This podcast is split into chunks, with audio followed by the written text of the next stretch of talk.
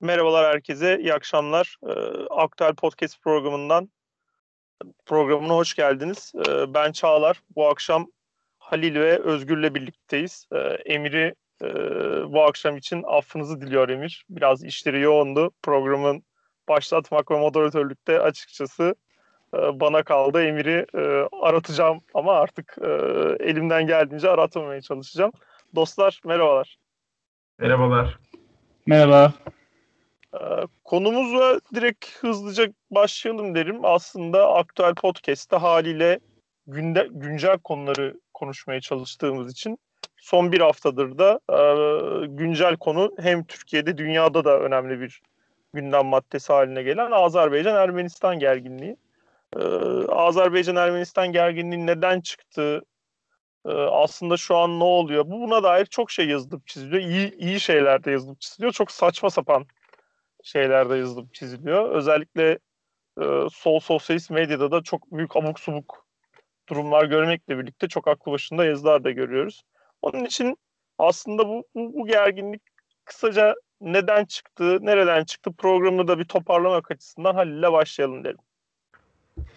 Tamamdır. Ee, tekrardan merhaba herkese. Ee, aslında bugünkü konumuz e, dış politika ile ilgili biraz ama tabii ki dış politika iç politikadan hiçbir zaman bağımsız olmayan bir e, konu. E, dolayısıyla işte Ermenistan, Karabağ ve Türkiye'deki hem muhalefet hem de iktidarın e, bu Ermenistan, Karabağ, Azerbaycan üçgenine dair e, yaklaşımını ve ürettiği veya üretemediği politikaları konuşacağız. Ee, öncelikle biraz eğer sizin için sakıncası yoksa meselenin biraz böyle geçmişine dair birkaç şey söylemek istiyorum. Ondan sonra olayı çok uzatmadan günümüzdeki yansımalarına bakarız beraber. Ee, şimdi aslında bu meselenin çıkışı e, Sovyetlerin son dönemine denk geliyor. Yani aslında hani ne diyelim ona böyle modern anlamda bu sorunun temelini eşeceksek e, 1985'te aslında Gorbaçov'un e, Sovyetler Birliği'nde iktidara gelmesiyle başlayan bir şey. Ne alaka diyeceksiniz? Şimdi hepimizin bildiği gibi e, Gorbaçov iktidara gelince iki politika açık yani Glasnost ve Perestroika diye. Yani açıklık ve yeniden yapılanma. E, bunun anlamı aslında bakarsanız e, Sovyetler Birliği'ni e, çökerterek bir anlamda liberalize etme politikası. E, şimdi bunun yansımaları doğal olarak Sovyetler Birliği'nin e, üyeleri tarafından da, diğer Sovyet Cumhuriyetleri tarafından da e, etkileri de hissediliyor pek doğal olarak. E, etkilerin hissedildiği yerlerden biri de e, Ermenistan Sovyeti. Şimdi Sovyetler Birliği döneminde Karabağ özel bir bölge. E, ancak içerisinde nüfus olarak Ermenilerin de Azerbaycanlıların da Azerilerin de yaşadığı bir bölge. E, Gorbaçov'u Perestroika'yı ve Glasnost'u açıkladıktan sonra e, Ermeni milliyetçiliği, Ermeni aydınlan, aydınları, kendi ulusalcıları diyelim, e, bundan faydalanmaya başlıyorlar. E, eski Sovyet politikalarının biraz daha geri plana çekilmeye başlamasıyla Ermeni milliyetçiliği hortluyor. E, hortlayınca da e, çeşitli gösteriler yapılmaya başlanıyor. E, bu gösterilerde mesele, hani tırnak içinde söylüyorum, Karabağ'ın Ermeni yurdu olduğunu kanıtlamak.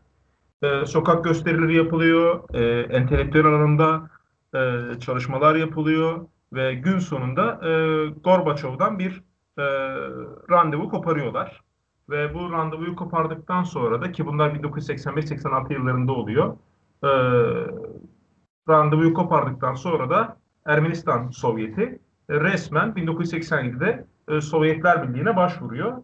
Sebep e, sebep de Karabağ'ın Ermenistan Sovyeti'ne bağlanması. Yani resmi bir başvuru yapıyorlar. E, fakat şöyle bir durum oluyor. E, 15 Haziran geldiğinde henüz Sovyetler Birliği bu Ermenistan'ın başvurusuna cevap vermemişken 15 Haziran 88'de e, Ermenistan Sovyeti Dağlık Karabağ'ın e, Ermeni yönetimine geçmesini karara bağlıyor. E, nasıl yapıyor bunu? Orada bir şey yapılıyor. Ermenilerin yoğun olmasından sebep, yaşayan insanlardan sebep bir oylama yapılıyor. Ve bu oylamalar neticesinde de Ermenistan Sovyeti'nin e, özür dilerim Karabağ'ın, Dağlık Karabağ'ın Ermenistan Sovyeti'ne bağlanmasını gibi bir karar çıkıyor. Ancak bu Sovyetler Birliği'ne gitmesi lazım, bu Yüksek Şura'ya gitmesi lazım bu kararın. Ve bu karar oradan reddiyor. Yani bu kararı aslında Sovyetler Birliği tanınmıyor.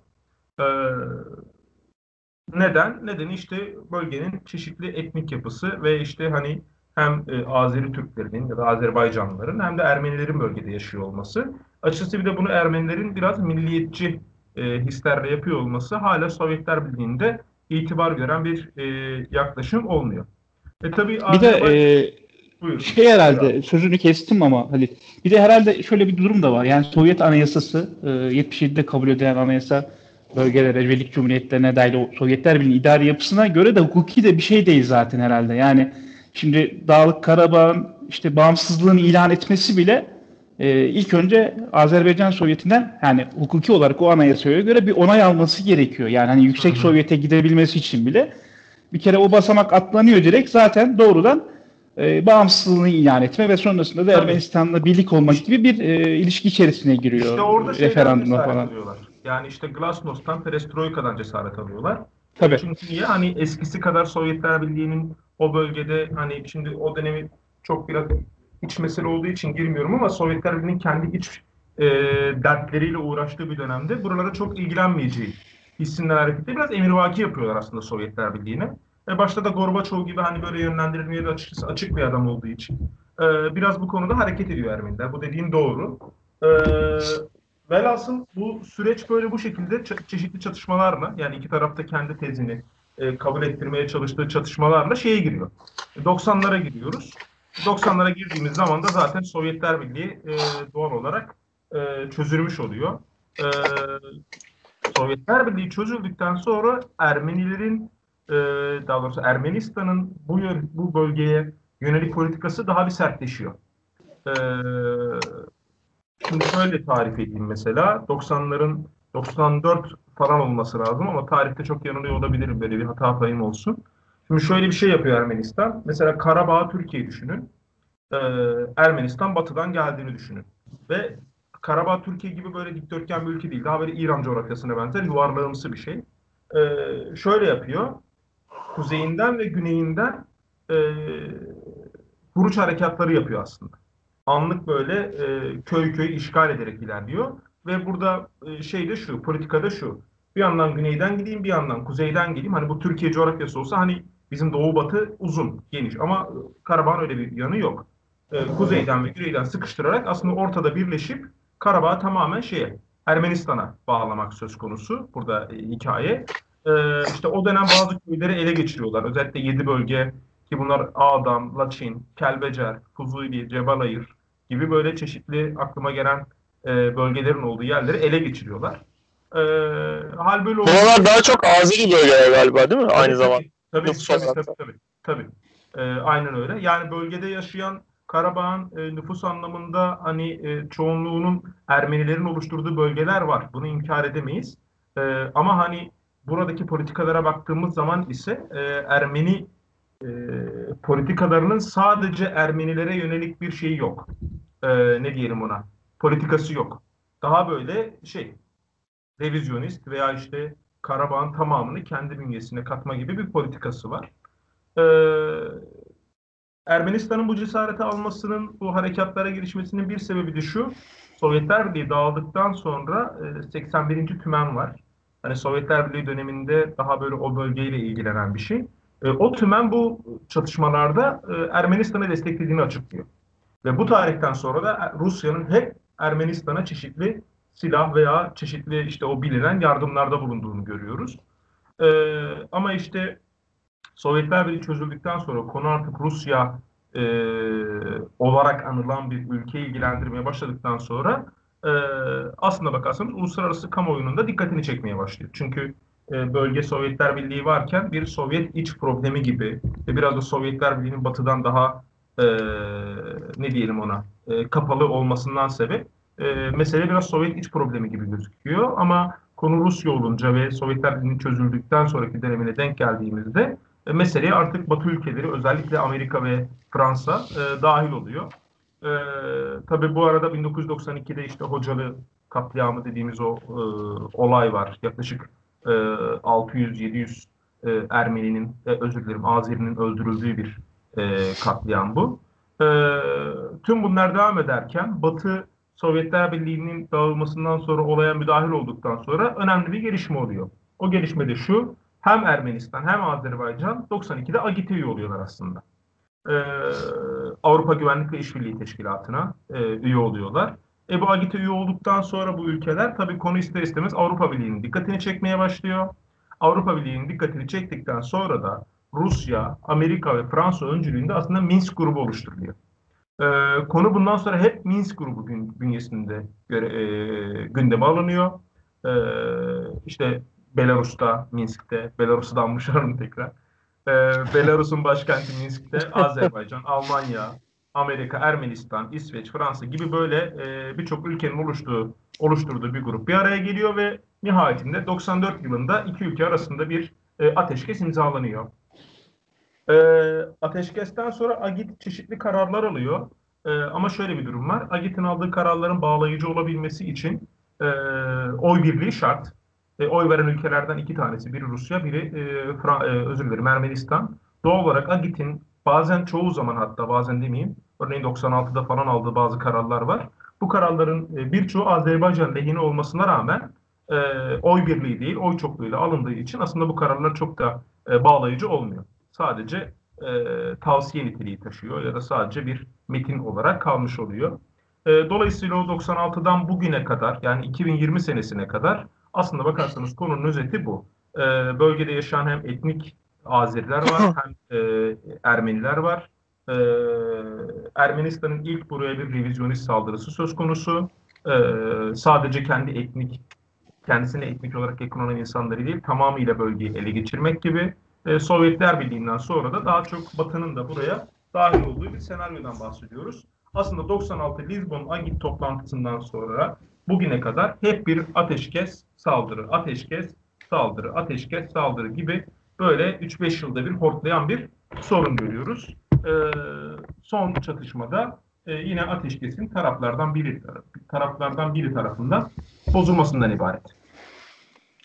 Hani biraz çok ufak şeyi de açabiliriz diye düşünüyorum. Yani e, Türkiye'nin burada yavaş yavaş rolüne de girebiliriz. Tabii. Hem tarihsel olarak da öyle bir atmosfer oluşturuldu ki Türk sağı tarafından. Yani e, ezelden beri kardeş olduğumuz Azeriler e, zaten biz tek e, bir milletiz. Bunun koşulsuz başka türlü düşünülemez gibi. Oysa Türkiye sahanın e, Aliyev'le hikayesi çok tabii, e, tabii. başkadır diye düşünüyorum.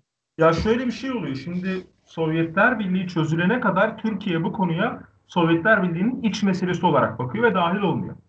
Ee, ancak Sovyetler Birliği'nin dağılmasından sonra e, hatırlayın Özal'ı e, çok Özal'ın böyle Türkiye Cumhuriyetlere dair de çok şeyi vardır. E, hevesi vardır. E, Sovyetler Birliği'nin çözülmesinden sonra aslında bu kardeş ülke Azerbaycan retoriği arttıkça artıyor. Özellikle Türk sağ tarafından ki o dönemi hatırlayın. Türkiye'de inanılmaz bir Türk sağ var. Hani figürleri hatırlayın mesela Özal, Demirel, Tansu Çiller. Türkeş. Türkeş, Hakez aynen öyle. Hep böyle bu figürlerin çok ve o hani tırnak içinde o Türk derin devletinin ya da işte o 28 Şubat'a giden o süreçteki o Türkiye'nin o e, karanlık yıllarının tam böyle egemen olduğu dönem ve Türk sağının her yönüyle, faşistiyle, muhafazakarıyla e, çok şey oldu. E, böyle sımsıkı iletişim halinde olduğu bir dönem. E, şimdi böyle olunca mesela 95 yılında Tansu Çiller er, şey, Azerbaycan'a ziyarette bulunuyor. E, keza Süleyman Demirel aynı yıl içerisinde Azerbaycan'a gidiyor ve hep burada bu kardeş ülke, kardeş ülke söylemleri e, tekrarlanıyor. E, ya o arada bir darbe girişimi bile var hatta galiba Türkiye'nin finanse ettiği, organize tabii, ettiği. Tabii tabii tabii aynen öyle. Son olarak burada en önemli gelişme de şu oluyor. E, Ermenistan'ın Azerbaycan'a ait bu Kelbecer'i e, işgal etmesinden sonra o günden bugüne e, Türkiye Ermenistan'la olan sınır kapısını kapatıyor. E, zaten en bilinen konu içerisindeki durumda bu. E, Türkiye burada mesela konuyu daha çok Agit bünyesinde de getirmeye çalışıyor. Neden? E, çünkü çok basit. Hani tarihsel olarak tırnak içinde Türkiye'nin problemli olduğu iki ülke, biri Yunanistan, biri Rusya. Hani öyle düşünelim. E, Rusya'nın tarafı belli. Türkiye'nin bir ileri karakol olarak Türkiye'nin tarafı belli. Doğal olarak Türkiye Avrupa en nihayetinde de Amerika'yı konuya dahil edebilmek adına konuyu hep Agit bünyesinde tartıştırmaya çalışıyor. Agit bünyesinde Türkiye şey de alıyor aslında. Ee, sonuçta alıyor. Ancak en başta söylediğim gibi yani Agit'in kararlarının bağlayıcı olabilmesi için e, oy birliğiyle alınmış olması gerekiyor ama alınan kararların hepsi oy çokluğuyla alınmış oluyor. Doğal, doğal olarak birçok karar e, bağlayıcı olmuyor aslında bakarsınız.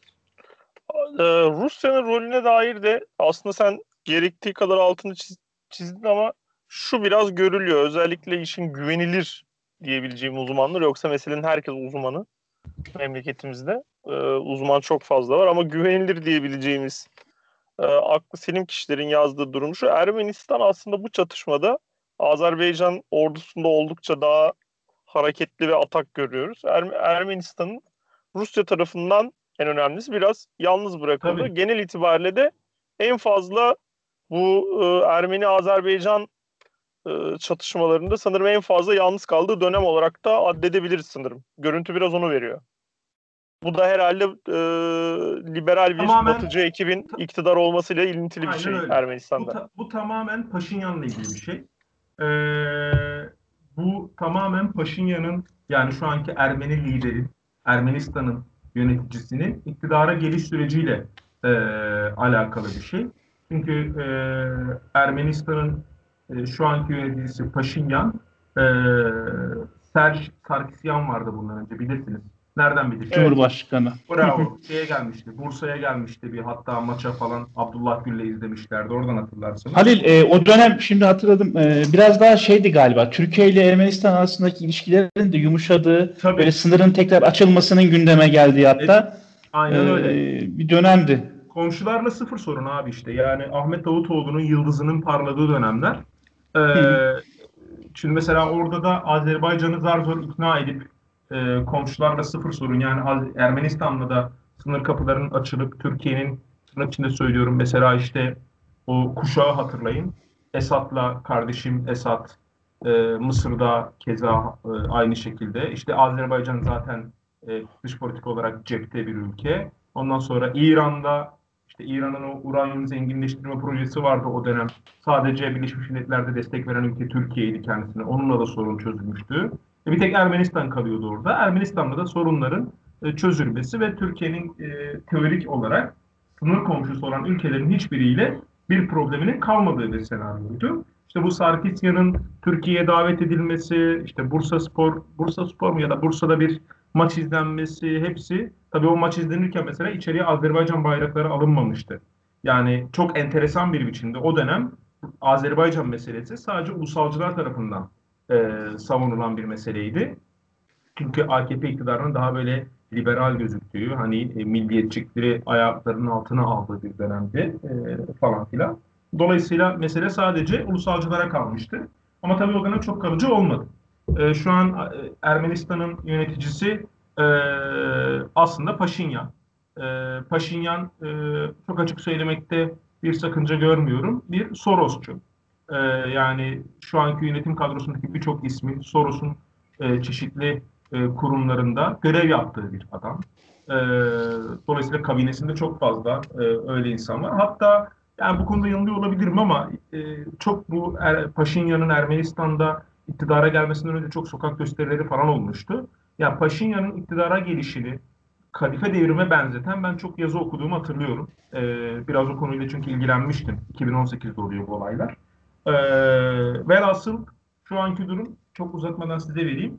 Ee, Rusya'nın biraz Ermenistan'ın burnunu sürtmesini istemesiyle alakalı bir durum. Yani Rusya e, Amerikancı bir e, Ermeni yönetimini istemiyor. Ve bunun da çok e, real politik sebepleri var. Tırnak içinde haklı sebepleri var. E, hal böyle olunca da Ermenistan'ı e, öldürmüyor ama süründürüyor. Yani bir yandan mesela hala Ermenistan'a silah takviyeleri yapılan anlaşmalar gereği yapılırken ama bir yandan da işte görüyorsunuz sessiz sedasız e, mesela bugüne kadar Putin'den bir şey duydunuz mu? Hani belki dolaylı yollardan duymuşsunuzdur.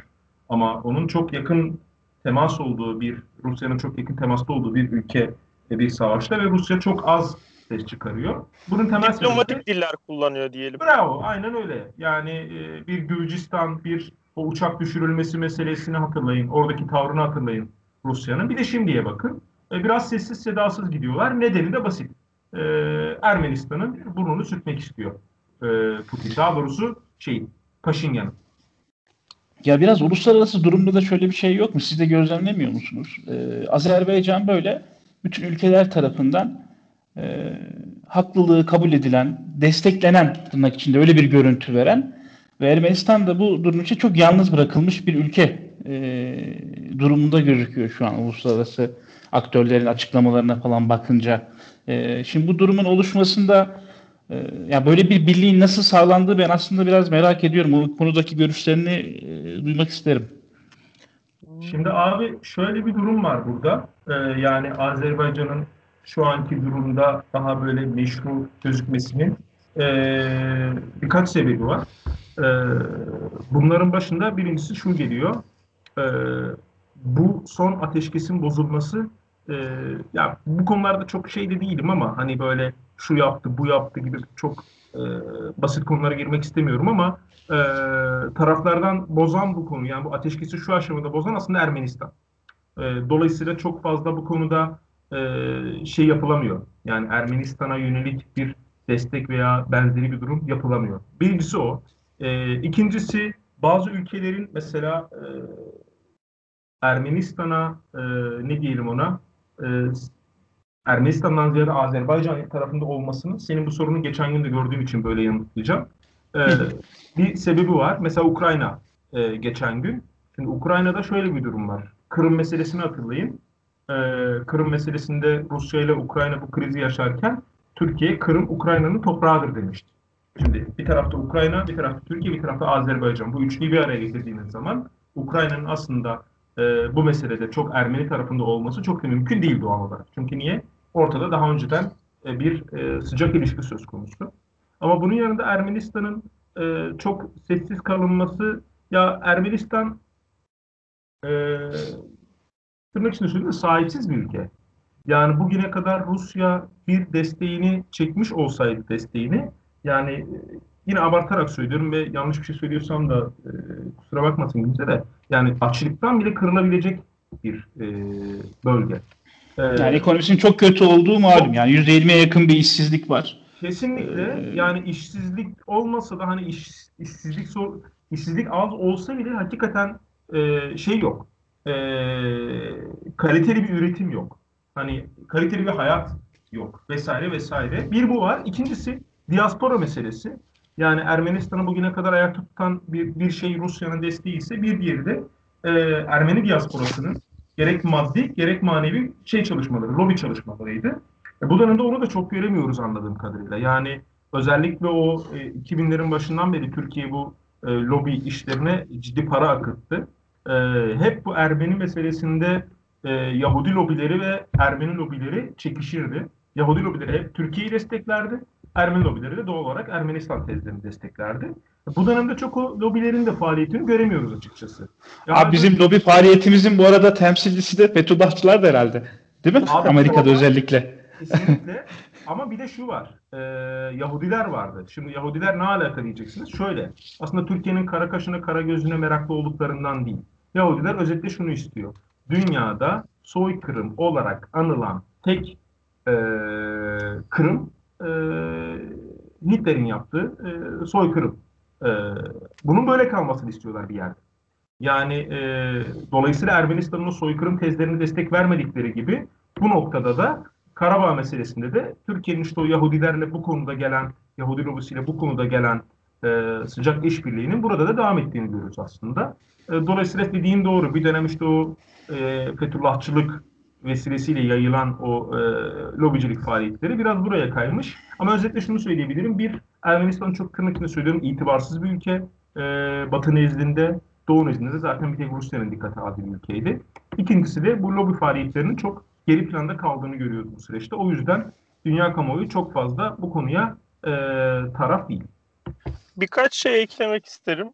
Ee, çok iç açıcı oldu bu arada da. Ee, şey de yani Ermenistan'a dair söylediklerine katılıyorum. Ermenistan gerçekten de Rusya, özellikle Rusya'nın hinterlandında giden bir ülkeydi ve ekonomik olarak da zaten kendi kendisine bile zor yeten hatta yetemeyen bir ülke satındaydı şey dışında da yani Azerilerle yaşadıkları tarihsel problemlerden dolayı hala güncel olarak yaşadıkları tarihsel problemlerden dolayı İran'ın da aslında Ermenistan'a genelde destek verdiğini görürüz bölgede. Fakat bu defa İran'ın da herhalde uluslararası anlamda Türkiye ile en fazla gerilmek istemediği özellikle bu yaptırım meselelerinden dolayı Tabii. vesaire en en gergin olmak istemediği noktada bu açıdan Azerbaycan'ın kontra atağı diyebileceğimiz e, karşı saldırısı aslında işte biraz bu dünyadaki dengeler açısından en önemli zamana denk geldi. Bir de şuna değinmek isterim şu lobi faaliyetlerinde. Ee, Türkiye'nin son 5 yılda 6 yılda özellikle gözlemlediğim e, Rusya hinterlandında o eski Sovyetler Birliği hinterlandı dediğimiz bugün Avrupa Birliği'nde de kendi açılarından bir gruplaşan gerektiğinde birlikte hareket edebilen belli ülkeler var. Sırbistan, işte e, Bosna, oradan ya yani böyle düşman kardeşlerdir ama orası ayrı mesela işte Hırvatistan'dan tutun Macaristan'a, Polonya'ya, Ukrayna'ya e, bu bu ülkelerde Türkiye'nin önemli ticari ilişkileri ve politik de etkileri var. Yani politik etkilerden kastım örneğin Sırbistan'daki bir Türk gazeteci dostumun örneğidir bu. Ee, gidip Sırbistan'da Sırp vatandaşlara Tayyip Erdoğan'ı kötülerseniz size uzaydan gelmiş gibi bakarlar. Çünkü ekonomik olarak Tayyip Erdoğan'ın Batı'nın birçok ambargosunu delmeye cesaret edebilen bir figür olduğunu düşünüyorlar. Bir örnek verebilir miyim burada seni desteklemek için? Çok kısa. Tabii. Mesela şu an İstanbul'da e, Karaköy'de bir e, proje yapılıyor. Böyle otel vesaire vesaire konseptinin olduğu Türk inşaat firmalarının hevesinin kabardığı bir proje. E, sahil boyunca Kabataş'tan başlıyor. E, hani İstanbul'u biliyorsundur Çağlar hani. E, Kabataş'tan başlıyor şeye kadar. E, Eminönü'ne kadar uzanıyor neredeyse. Daha doğrusu Karaköy'e kadar. O projenin birebir aynısı Belgrad'da zaten tamamlandı. Ve aynı müteahhitler tarafından. Hani Türkiye'nin o bölgedeki ilişkilerini anlatabilmek adına söylüyorum.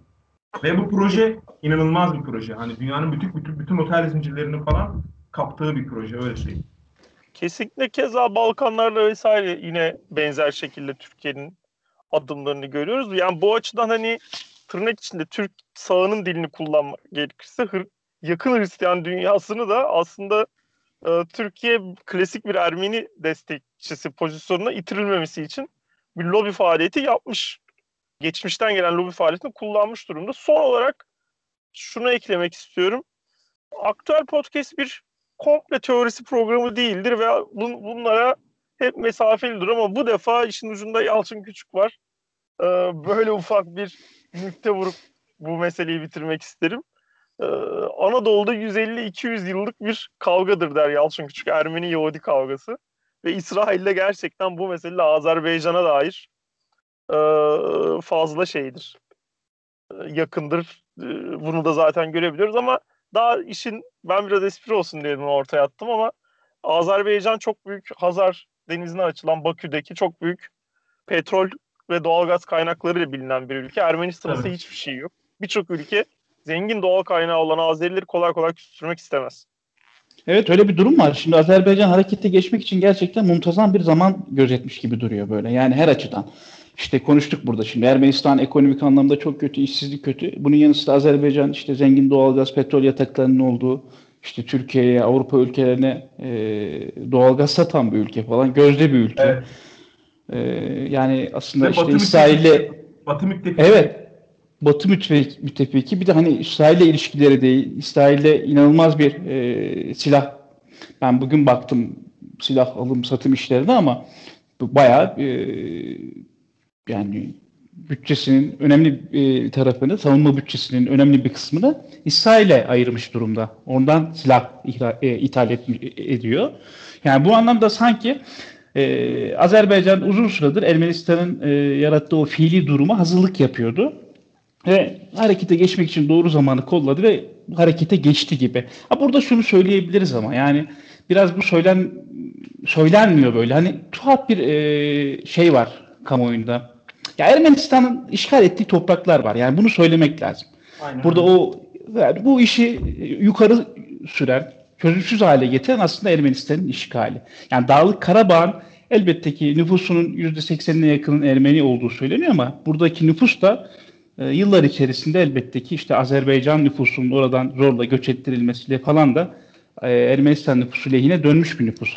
E, Ki hala belli Azeri köyler orada şey var Yani bir, bir milyona yakın ben e, ne kadar doğrudur bilmiyorum ama göçten bahsediliyor. Yani yerleşim yerlerini terk etmiş e, insandan bahsediliyor. Azerbaycanlı'dan bahsediliyor.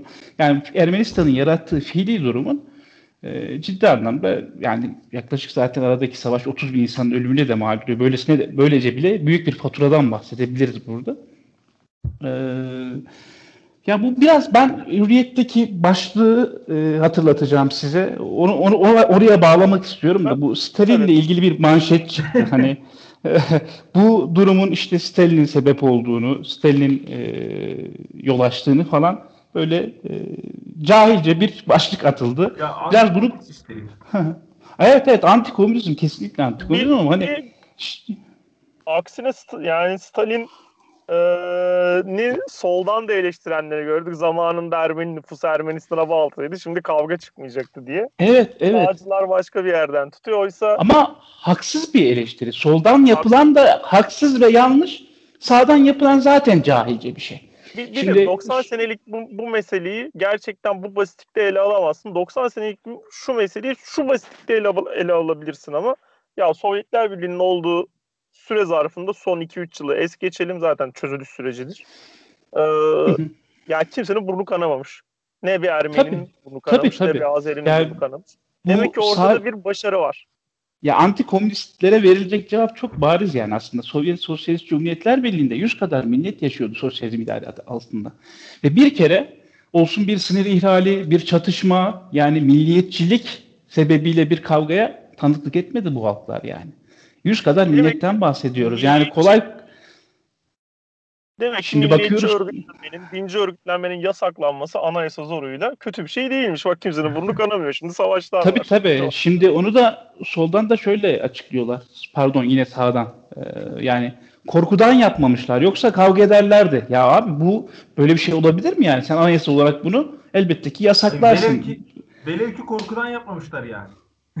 evet yani burada ne yapalım hani korkmasınlar ama birbirini öldürsünler. Ay yasa niye ee, var ki? Yani yasa eşittir korkacaksın yapmayacaksın. Evet evet. Yani, adam öldürmek. Ben niye korkuyorum adam öldürmekten? Yasa çünkü ceza veriyor buna. Tabii soldan da şöyle bir yanlış tarafı var bu işin. Abi yani 1920'lerde falan e, açıp bir baksınlar. Erivan'ın %50'sinden fazlası Azerbaycanlı yani. Şimdi evet. Erivan bugün Ermenistan'ın başkent. Diğer taraftan yine Bakü'de Bakü'deki petrol yataklarında falan çalışan işçilerin birçoğu Ermeni. Şimdi aslında bu işi burada, böyle çözebilir miyiz? Burada aslında bence bir şey var. Yani ben bazı başka konularda da bu tezimi söylüyorum ama ee, en sağcının bile soldan medet umması var. Bunu niye söylüyorum? Mesela bir sitem var o dilde. Bu Sovyetler Birliği'ni eleştiren dilde bir eleştiri var. Amenna. Ama bir de bir böyle sitem var. Hani sanki yapsanız da siz yapardınız gibi. Mesela ne deniyor orada? Sovyetler bir 90 sene hani bu şeyleri bastırdı. E, milliyetçilikleri işte e, dinci ayaklanmaları bastırdı. Ama kalıcı bir çözüme ulaştıramadı. Hani bu dil şey, ulan zaten ulaştırsaydınız siz ulaştırırsınız. Keşke ulaştırsaydınız demeye çalışıyordu ama yani e, öyle veya böyle hani orada da en şey dediğin gibi en e, öne çıkarılan tez e efendim korktular o yüzden bu kalkışmaları yapamadılar. Yani başka neden olacak? Dostlar hani... ben moderatör olarak Emir gibi e, yapamıyorum. evet Emir'in eksikliğini kaldım. Emir'in eksikliğini hissediyoruz. Konuyu çok iyi geçiriyordu onu söyleyeyim. E, ama e, süremizi de biraz e, aş, aşmakta bir sorun sakınca yok. Tabii de bir konu daha var. Aslında bunu da tekrardan tamam. burada açmış olayım diye biraz da buradan devam edelim diye böldüm. Aslında şunu da konuşmak gerekir. Bizim programın klasiklerinden biri oldu. Türkiye solunun, Türkiye muhalefetinin hem gelen özellikle Türkiye solunun e, olaylara yanlış bakış açılarını. E, şeyi programı açarken de söyledim. Yani örnek vermek gerekirse Sol Portal'da güzel bir yazı okuduk. E, bir e, bunu da kaynak olarak tekrar programımızda da, da tekrardan paylaşırız. Ee, onun dışında birkaç yine güzel yazı okuduk ama genel itibariyle benim takip edebildiğim sol kamuoyundaki e, algı aslında şuydu. Türkiye muhalefetinde, ana muhalefette vesaire de sözcüleri de benzer şeyleri kullandılar. E, AKP içeride çok sıkışıyor ekonomik olarak. E, işte Azerbaycan-Ermenistan savaşıyla bir kendisine çıkış sağlamaya çalışıyor. Bunun tersini Doğu Akdeniz'de gördük, Suriye meselesinde gördük. Yani son 3 yılda, son 5 yılda özellikle e, Türkiye'nin yakın coğrafyasındaki tüm dış politik hamlelerinde, Türk, bu sadece salt Türkiye'nin hamlelerinden bahsetmiyorum burada, genel olan tüm olaylarda e, Türkiye'deki muhalefetin, solcuların bir kısmının okuması e, AKP'nin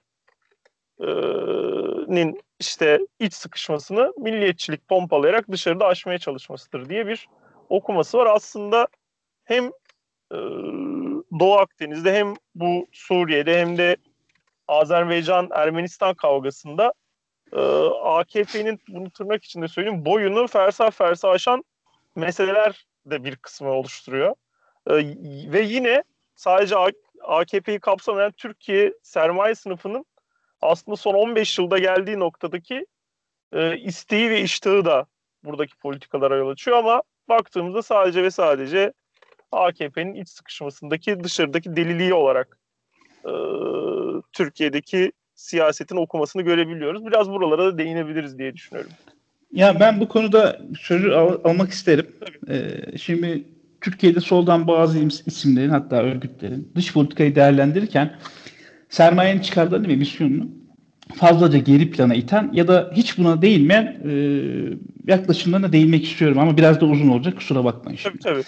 Şimdi bu görüşe göre Libya, Suriye, Doğu Akdeniz, işte son olarak Azerbaycan-Ermenistan çatışmasındaki gelişmeler e, ve bu gelişmelerdeki AKP'nin dahili, yani AKP'nin iç politikadaki tıkanıklarını aşmak için ürettiği sunni meseleler gibi lanse ediliyor.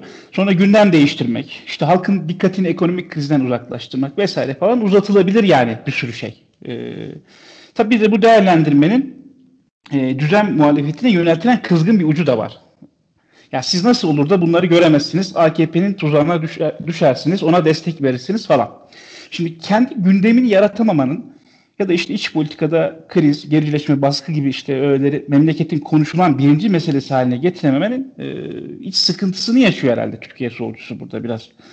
E, ya bu bir taraftan düzen muhalefetinin ipliğini pazara çıkarma çabası, niyeti gibi gözükse de diğer taraftan onu yönlendirme, ona biçim verme, e, amacını taşıyor ve elbette ondan umut etmeyi içeriyor. Yani böylesine kötü bir e, çıktısı var aslında.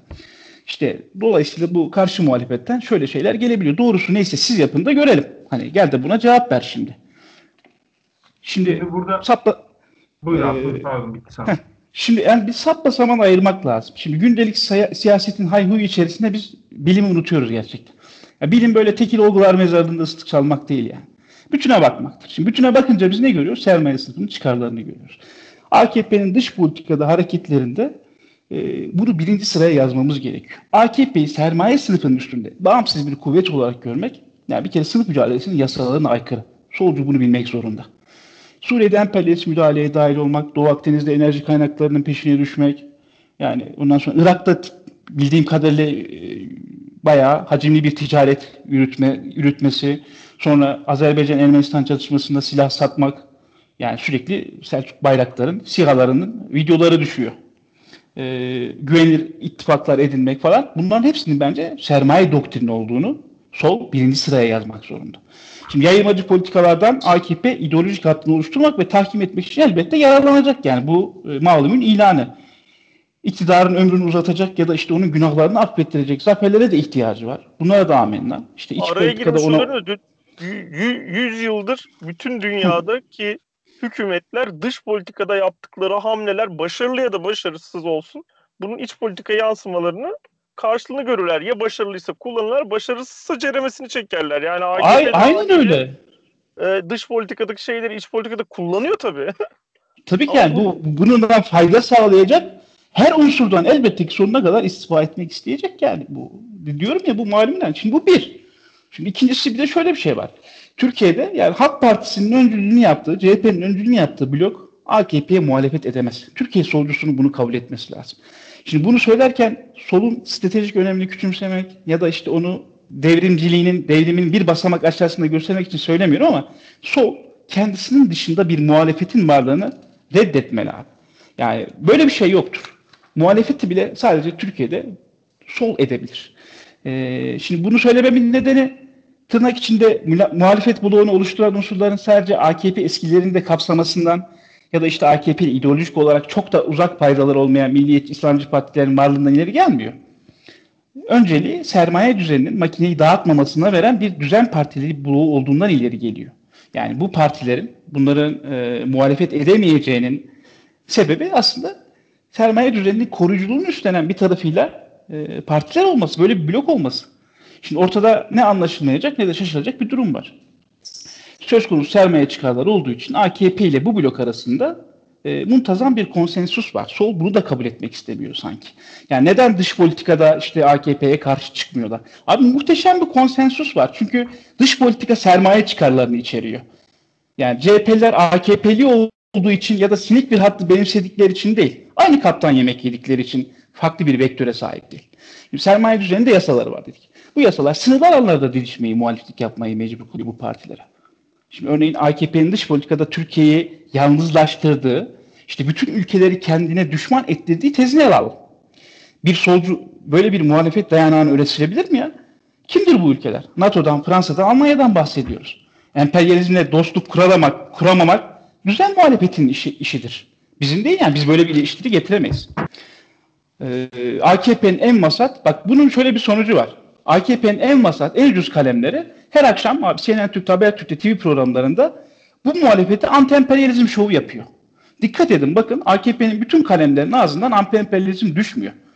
Şimdi bu şovun AKP tabanında da karşılık bulması ve muhalefete yönelik bir hınca dönüşmesi de normal. Şimdi kuşkusuz AKP yalan söylüyor. Yani elbette ki ulusal çıkarlar sermaye sınıfının çıkarları anlamına geliyor. Elbette ki yerli ve millilik en çok Türk sahanın olmadığı iki şey. Çünkü yabancı sermaye verilen imtiyazlar, yapılan özelleştirmeler, parsel parsel satılan memleket en çok AKP döneminde yabancı tekellere yar oldu. Belki bunun kadar Türkiye tarihinde bir de e, Menderes dönemi vardır. Ama habire uluslararası hukuka uygun hareket etmekten, AB ile arayı bozmaktan şikayet eden bir muhalefet bu yalanın bu kadar kolay söyleyebilmesinden sorumlu bence. Onca vergi, hayat pahalılığı, düzen, e, düşen ücretler falan, artan işsizlik. Şimdi bütün bunlara rağmen bir düzen, bir siyasi iktidar nasıl ayakta kaydı, kalır? Burada muhalefete bakmak gerekiyor. Şimdi bakın sermaye sınıfı çok güvencesiz, esnek ve baskıcı bir rejim inşa ediyor uzun bir süredir. Şimdi sömürünün bütün çıplaklığına rağmen sermaye sınıfı, e, şimdi bu Yalçın Küçük'ün sözüdür. Çok partili hayata geçiş e, sırasında e, Demokrat Parti için söylediği şey, hatta İsmet Ünlü için şey, söylediği şey, sermaye şunu yapıyor abi yani. Bu rejime olan güvensizliği, AKP'nin kurduğu rejime olan güvensizliği güvenilir bir muhalefete kanalize ediyor. Yani dedim ya inşa edilen bu rejime rağmen e, varlığını sürdürmesi buna bağlı. Şimdi Türkiye solunun sadece iktidar istememek gibi bir sorunu yok bu yüzden. Yani. Muhalefet ederken bile iddiasız ya. Yapılacak ilk şey bundan kurtulmak gerçekten de. Yani ben Ufak. burada Türkiye solunun e, bitiriyorum Çağlar özür dilerim. Tabii, gerçekten muhalefet edebilir de tek özne olduğunu, tek kesim olduğunu e, belirtmek istiyorum yani. Ki bir de dış politikada zaten AKP'yi kenara sıkıştıracak, ipliğini pazara çıkacak çok şey var. Yani mesela en basitinde Doğu Akdeniz meselesi söz konusu enerji sahalarında e, yabancı tekellerle ruhsat anlaşmaları yaparak ilerliyor bu süreç. Yani Yunanistan da bunu yapıyor, Türkiye de bunu yapacak. Yani oraya yabancı tekelleri ça- çağırıp ruhsat anlaşmaları yapmak istiyor. Şimdi burada emekçilerin çıkarına bir şey yok. Burada ulusal çıkar diye bir şey yok. Burada yerlilik, millilik diye bir şey yok. Şimdi burada tutup da siz Aa, Türkiye'yi uluslararası arada yalnız bırakıyorsunuz e, Avrupa Birliği ilkeleriyle kavga ediyorsunuz, Avrupa Birliği değerlerinden uzaklaşıyoruz dersiniz. Yani bu bunun solculukla ilgisi yoktur. E, As, ben bitirdim aslında böyle.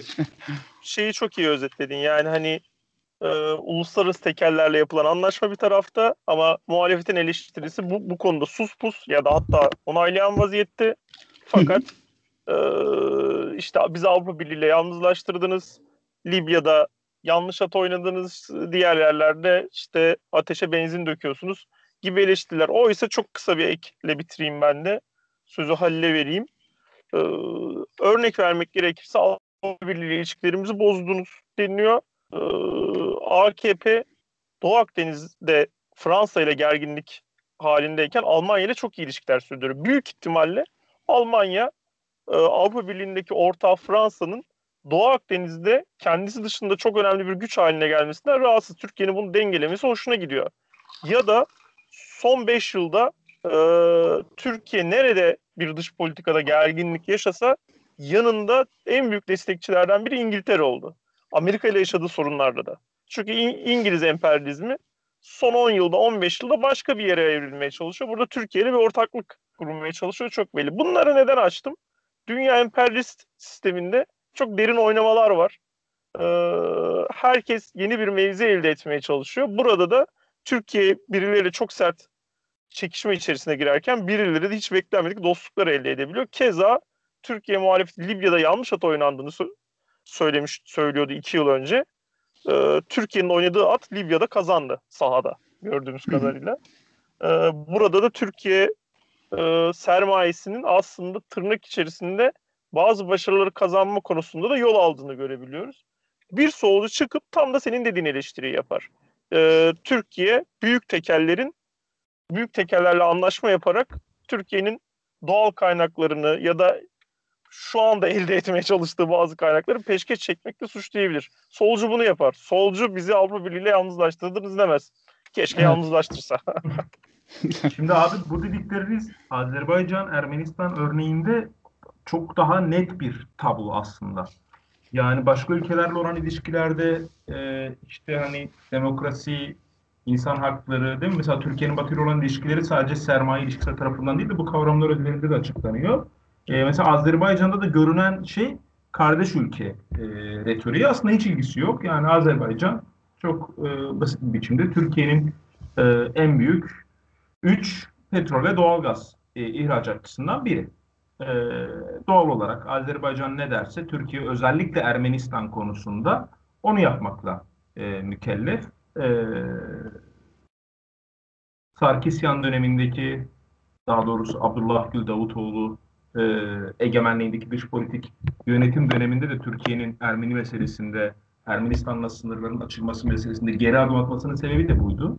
Çünkü Azerbaycan istemiyordu. Azerbaycan'ın istemediği bir şeydi. Bu kadar ciddi doğalgaz ve petrol yatırımı ve ortaklıklarının olduğu işte şeyi hatırlayın.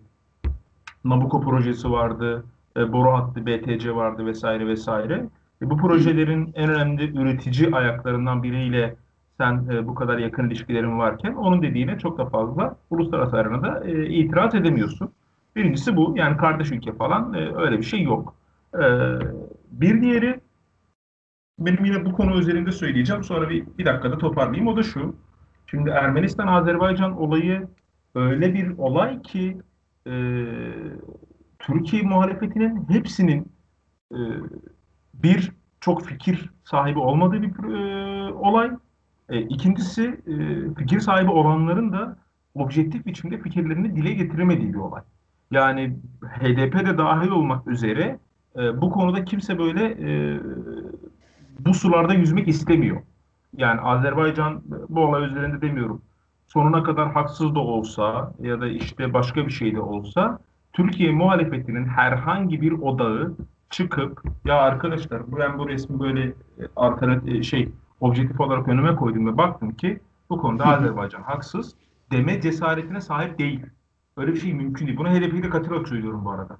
Hani işte bir Erme Ermenistan haksız diyecektin herhalde orada yanlış. Bilir. Yok yok ben bu genel olarak söylüyorum. Yani Azerbaycan'ın... Bu mesele genel... özelinde demedi ben anladım. Aynen bu mesele özelinde demiyorum. Yani mesela bu, bu, bu defteri kapatın.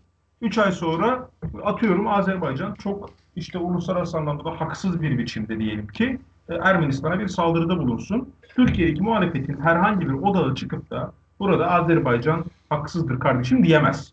E, HDP de dahil ederek söylüyorum diyemez.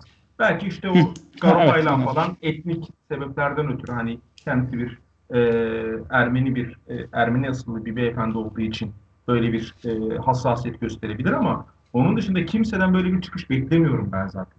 Bunun hem dediğim gibi sizin deminden beri altını çizdiğiniz o uluslararası sermaye yapısıyla ve Azerbaycan'ın bu sermaye yapısındaki Türkiye'nin sermaye ilişkilerindeki yeriyle alakası işte en son Sokar'ı görüyorsunuz. Hani Türkiye'de yayın kuruyorlar, televizyon kuruyorlar, TÜPRAŞ'a alternatif oluşturuyorlar. E, şu an Türkiye'nin en büyük şeyi. TÜPRAŞ'tan sonra belki de en büyük bir ikinci, üçüncü şirketlerinden biri haline geldi. Dolayısıyla bu kadar derin ilişkilerin olduğu yerde çok da oraya alternatif üretemiyorsunuz. Ee, bunun bir böyle sebebi var. E bir de kabul edelim ki yani e, Türkiye'de e, yani şimdi Kürtlerle ilgili bir şey olduğu zaman, bir haksızlık olduğu zaman ikna edebileceğiniz çok fazla insan var. Hani Kürtlerin biz haksızlığa uğruyoruz dediğinde ikna edebileceği hakikaten çok insan var da. E kabul edelim Ermeniler böyle bir topluluk değil maalesef. Yani Ermenilerin e, Türkiye nazarında e, ne Kürtlerde e, toplumsal olarak ne diyelim ki Türklerde ne de işte adı olan daha böyle çeşitli küçük e, toplumsal gruplar nezdinde çok da böyle derdini anlatacak ne bir lobi faaliyeti var ne bir e, gücü var. E, çünkü zaten genel olarak e, Ermenilerin Türklerle olan tarihsel meselesi belli. O sebepten ötürü de çok fazla bu sorularda muhalefet yüzmek istemiyor. Azerbaycan haklı deyip geçip işine bakmaktan yana. Ali şunu şunu da söyleyebiliriz herhalde. Yine Türkiye solunun bir haftadır, iki haftadır dinlendirdiği şeylerden biri de bakın AKP'yi görüyor musunuz? Bu düzen muhalefetini aslında solcularımız diyor bunu düzen muhalefeti diye işte İyi Parti, CHP vesaire. E, ufak bir Ermeni-Azeri çekişmesiyle nasıl hizaya getirdi? Kendisini destekler pozisyona getirdi. Bunun için AKP olmasına gerek yok. Yani Türkiye'deki düzen siyasette Azeri-Ermeni gerginliğinde kimseye bakmaz. Şöyle abi işte mesele bu. Ee, özür... Çok özür dilerim e, Özgür. AKP bundan 10 sene önce Ermenistan'la yumuşama politikası güttüğünde muhalefet niye gidiyorsun diyordu. yani Milliyetçi Hareket Partisi niye bunu yapıyorsun diyordu. Refah Partisi niye bunu yapıyorsun diyordu. Cumhuriyet Halk Partisi niye bunu yapıyorsun diyordu. Yani bir de Ki Ali, o dönem Aliyev tarafından da protesto edilmişti galiba. Tabii, Azerbaycan tabii, tarafından aynen, da Türkiye'nin aynen. tutumu. Tabii tabii. tabii ya abi mesele özet olarak şu aslında yani değil mi? Hani Ufak Türkiye'nin dış politikası Türkiye'nin dış politikası aslında bir sermaye doktrini çerçevesinde ele alınması lazım bence. Yani şimdi nasıl ki biz burada ABD'nin e, saldırganlığını işte e, başkan adayları ya da başkanlarından ibaret görmüyorsak hani bir sermaye sınıfının bir doktrini olduğunu e, bir projesi olduğunu, bir programı olduğunu iddia ediyorsak Türkiye açısından da yani kapitalist bir ülke dış politika söz konusu olduğu zaman birinci sıraya koymamız gereken şey e, sermaye doktrinleri çerçevesinde ele almak. Yani ben kendi adıma e, bu konuda bunu söylemek istiyorum. Abi Amerikan dış politikası için söylenen bir laf vardır. General Motor için iyi olan Amerika için de iyidir diye. Tabii. Sermaye için iyi olan Türk dış politikası için de iyidir yani. Aynen öyle abi. Yani bir de hatta son dönemde ben iki hafta falan oluyor belki de daha az ya da daha çok bilemeyeceğim ama Putin'in bir röportajı vardı yabancı bir bas, yabancı bir gazeteye galiba. Yani başkan olup iktidara geldiğinizde işte bir takım kravatlı adamlar geliyor ve size ne yapacağınızı söylüyor falan diye bir açıklaması olmuştu. ee, benim de aklıma onu getirmişti direkt onu duyunca. Dostlar Putin'in e, derin devletiyle programı sonlandıralım. Ee, o açıdan Herkese iyi akşamlar. Yavaş yavaş toparlayalım. Ee, herkese iyi akşamlar. Uzun bir program oldu ama ben akıcı ve keyifli olduğunu düşünüyorum kendi adıma. Umuyorum dinleyenler için de öyledir. Ben programı çok iyi toparlayabildiğimi düşünmüyorum. Ee, Emir e, işlerini ayarla bir dahaki program aramızda ol diyerek programı sonlandırayım. Peki herkese iyi akşamlar diliyorum ben de. Görüşmek üzere.